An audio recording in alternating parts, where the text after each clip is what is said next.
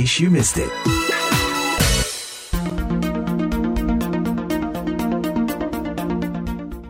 Bertemu lagi dengan saya Madioni dalam In Case You Missed It VOA Washington DC, program yang hadir setiap hari Jumat. Soju dan sake adalah minuman tradisional beralkohol yang turut meningkatkan popularitas budaya dan ekonomi negara asalnya, yaitu Korea Selatan dan Jepang secara global. Apakah mungkin produksi minuman tradisional beralkohol produksi Indonesia bisa mengikuti jejak dua minuman tersebut? Kita akan berbincang-bincang mengenai salah satu jenis minuman ini bersama pendiri Dapur Mula di Desa Les Bali, Jeromangku dalam Suci Gede Yudiawan dan Kepala Dinas Pariwisata Provinsi Bali, Cokorde Bagus Pemayun. Jeromangku Yudi, apa sebetulnya bahan dasar dari produksi arak? Uh, arak itu kan bisa dihasilkan oleh tiga pohon.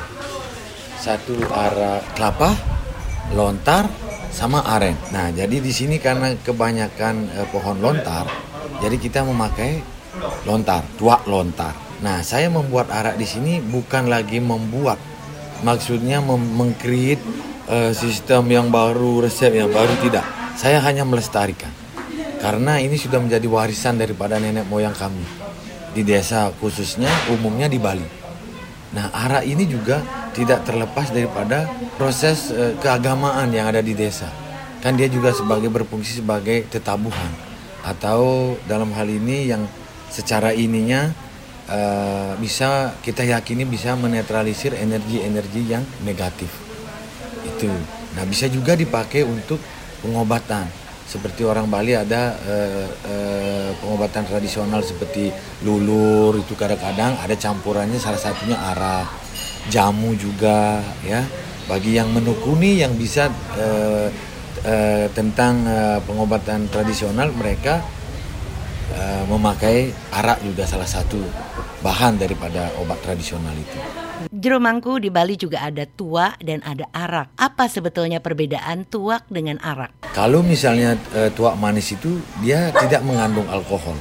Itu direbus, diuapkan airnya sampai karamel itu menjadi gula. Sekarang tuak wayah, tuak wayah itu tuak yang dihasilkan oleh lontar yang sudah mengandung alkohol 5 sampai 10%. Itu yang di fermentasi kalau saya di sini di dapur Bali Mule satu kali 24 jam besoknya baru didestilasi menjadilah sebuah arak jadi bahan arak itu adalah tua 5 sampai 10 itu dari tua telah diolah dipermentasi dan didestilasi bisa menghasilkan dari 20% sampai 50% yang saya cari sekarang kita beralih ke pajak pemayun. Pemerintah Bali sudah meluncurkan pergub mengenai arak. Apa yang membuat Pemda Bali membuat peraturan mengenai arak? Uh, pertama, sebelum ada regulasi uh, pemerintah provinsi Bali, arak itu kan uh, belum masuk. Uh, uh, artinya masih di, polisi masih belum dimungkinkan. Arak itu hanya boleh dia diedarkan lokal ini. Ada yang pengolahnya secara tradisional itu hanya boleh di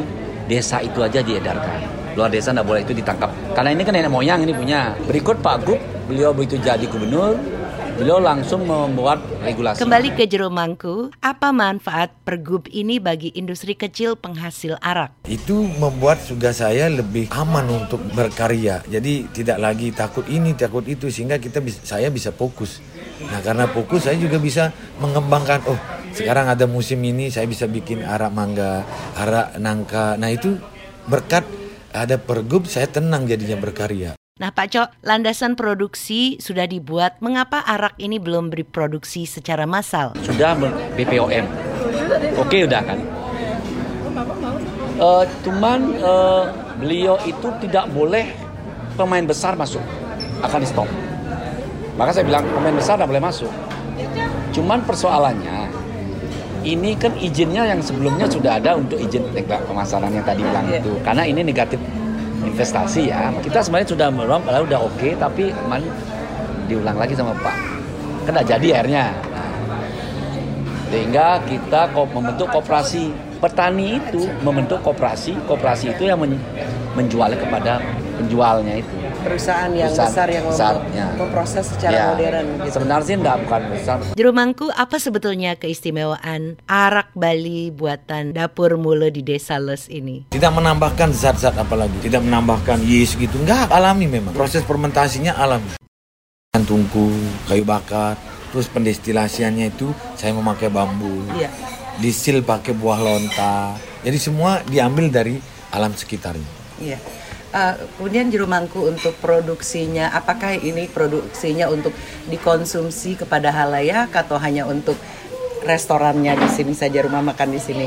Oke, karena saya di sini eh, eh, dapur Bali Mulu ini adalah boleh dibilang adalah pengalaman atau cerita dari desa.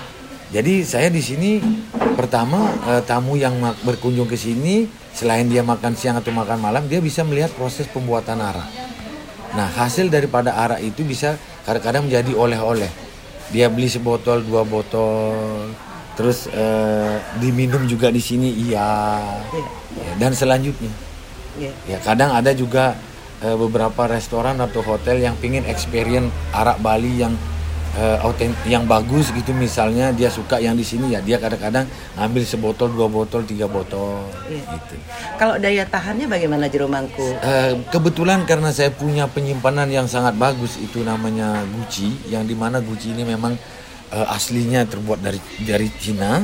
Nah itu dipakai untuk nyimpan karena suhunya dia sangat stabil dan semakin lama disimpan arak itu kalau yang kualitas bagus itu semakin enak Iya. dan semakin bagus. Jadi tidak ada kadaluarsanya Tidak ada, begitu tidak ya ada. jeruk mangku ya. Iya. Iya. Eh, sekarang ini kalau kita bicara apa produksi secara massal begitu, Hmm. apakah tidak ada keinginan dapur Bali Mulu ini membuatnya menjadi konsumsi lebih luas pada halayak di luar daripada tamu-tamu? Kalau harapan kami, iya. Harapan kami, iya. Di awal saya membuat eh, arah ini memang tujuannya seperti itu. Jadi saya ceritanya kembali ke desa karena saya ngayah, karena saya harus menjalankan tugas menjadi seorang pemangku adat. Jadi saya melihat, saya memetakan di desa ini apa sih yang menarik desa saya ini. Ternyata banyak sekali. Nah, cuman masalahnya adalah bagaimana kita eh, mengemas terus memperkenalkannya. Em, kalau kita bicara volume jeruk mangku, eh, volumenya berapa gitu? Apa Eh, kalau saya sekarang masih menyesuaikan dengan modal saya dan demand saya. Tapi kalau misalnya kayak kemarin tuh kan sebenarnya saya ada eh, rekanan dari PT sebelum pandemi, sebelum corona itu. Saya dikontrak tertulis kalau nggak salah seminggu saya harus menyetorkan 1000 liter. Tapi saya menyanggupi. Iya. Karena saya di sini punya saudara-saudara pengrajin tua itu yang saya kumpulkan, petani tua itu udah siap. Iya, iya. Sekarang pun saya produksinya baru bisa berapa ini? 240 liter per hari. 240 Tua. liter. per- Iya, Tua. iya. Tapi hasilnya jadi 10 persennya. Oh, 10 persennya jadi. Hanya 10 persennya Iya, jadi. sisanya limbah. Eh, apa keinginan jeruk mangku at- agar membuat arak ini kan sangat spesifik ya. Hmm. Arak ini kalau kita bicara kita bandingkanlah dengan Korea. Korea soju, itu Hmm. Soju. tradisional. Ya. Itu bisa sampai mendunia Ya, gitu. karena ini adalah urusan eh, legalitas ya. Kalau udah urusan legalitas pasti pemerintah yang lebih paham. Ya. Kalau dari segi sayanya di sini kita kami di desa pasti arah itu berdampingan. Karena ba- bagaimanapun juga seperti bahasa saya tadi itu bilang bahwa arah itu diperlukan dalam ritual keagamaan ya. Nah, jadi ya mau nggak mau tetap kita memproduksi seperti cuka, tua, arak itu harus.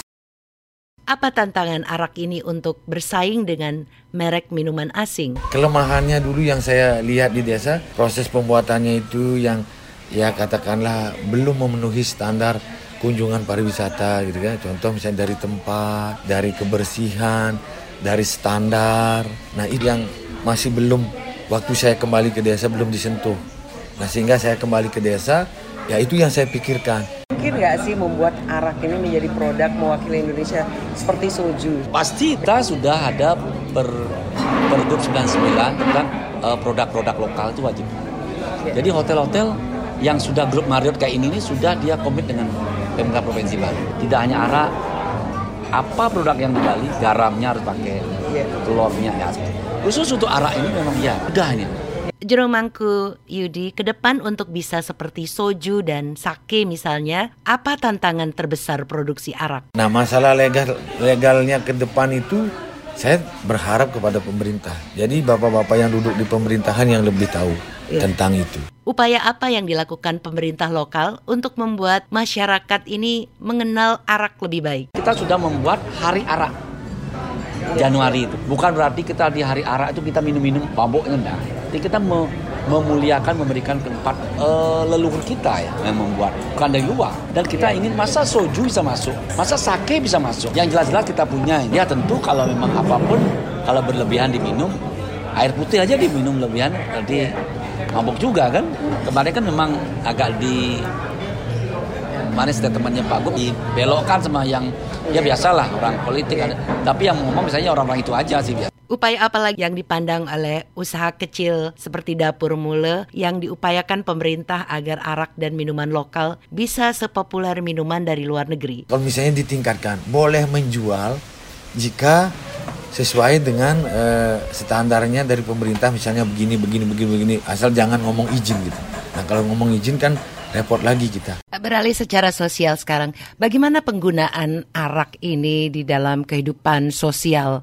Kalau kita bandingkan dengan uh, soju lah begitu di dalam setiap di dalam film-film itu setiap kali bahkan di warung-warung kecil pun uh, dinikmati sebagai minuman kan sebagai sarana untuk mabuk begitu. Jadi di desa itu juga arah sebagai uh, kita berinteraksi sosial. Contohnya ada uh, interaksi kita berinteraksi dengan uh, saudara-saudara yang ada di desa di saat ada hajatan orang meninggal atau hajatan apa dan lain sebagainya kan kadang-kadang kita minum arak. Iya. Tapi kita tidak bisa jor-joran karena kalau kita tidak punya izin.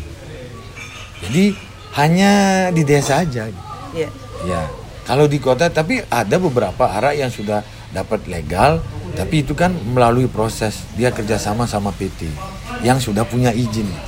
Nah kalau misalnya kita kerjasama sama PT, berarti kita harus mengikuti kebijakannya dia. Jadi tetap aja arak belum bisa berdiri sendiri, belum bisa merdeka. Hmm. Ya karena kita ngikutin nggak uh, uh, aturan sih. Nah sedangkan saya di sini rakyat kecil yang di mana permodalannya juga uh, sangat minim, ya mungkin belum bisa untuk melakukan itu. Demikian In Case You Miss It, VOA Washington DC bersama pendiri Dapur Mula di Desa Les Bali, Jeromangku dalam Suci Gede Yudiawan, dan Kepala Dinas Pariwisata Provinsi Bali, Cokorde Bagus Pemayun. Saya Madioni undur diri, sampai jumpa dalam topik menarik lainnya. Bye! Via.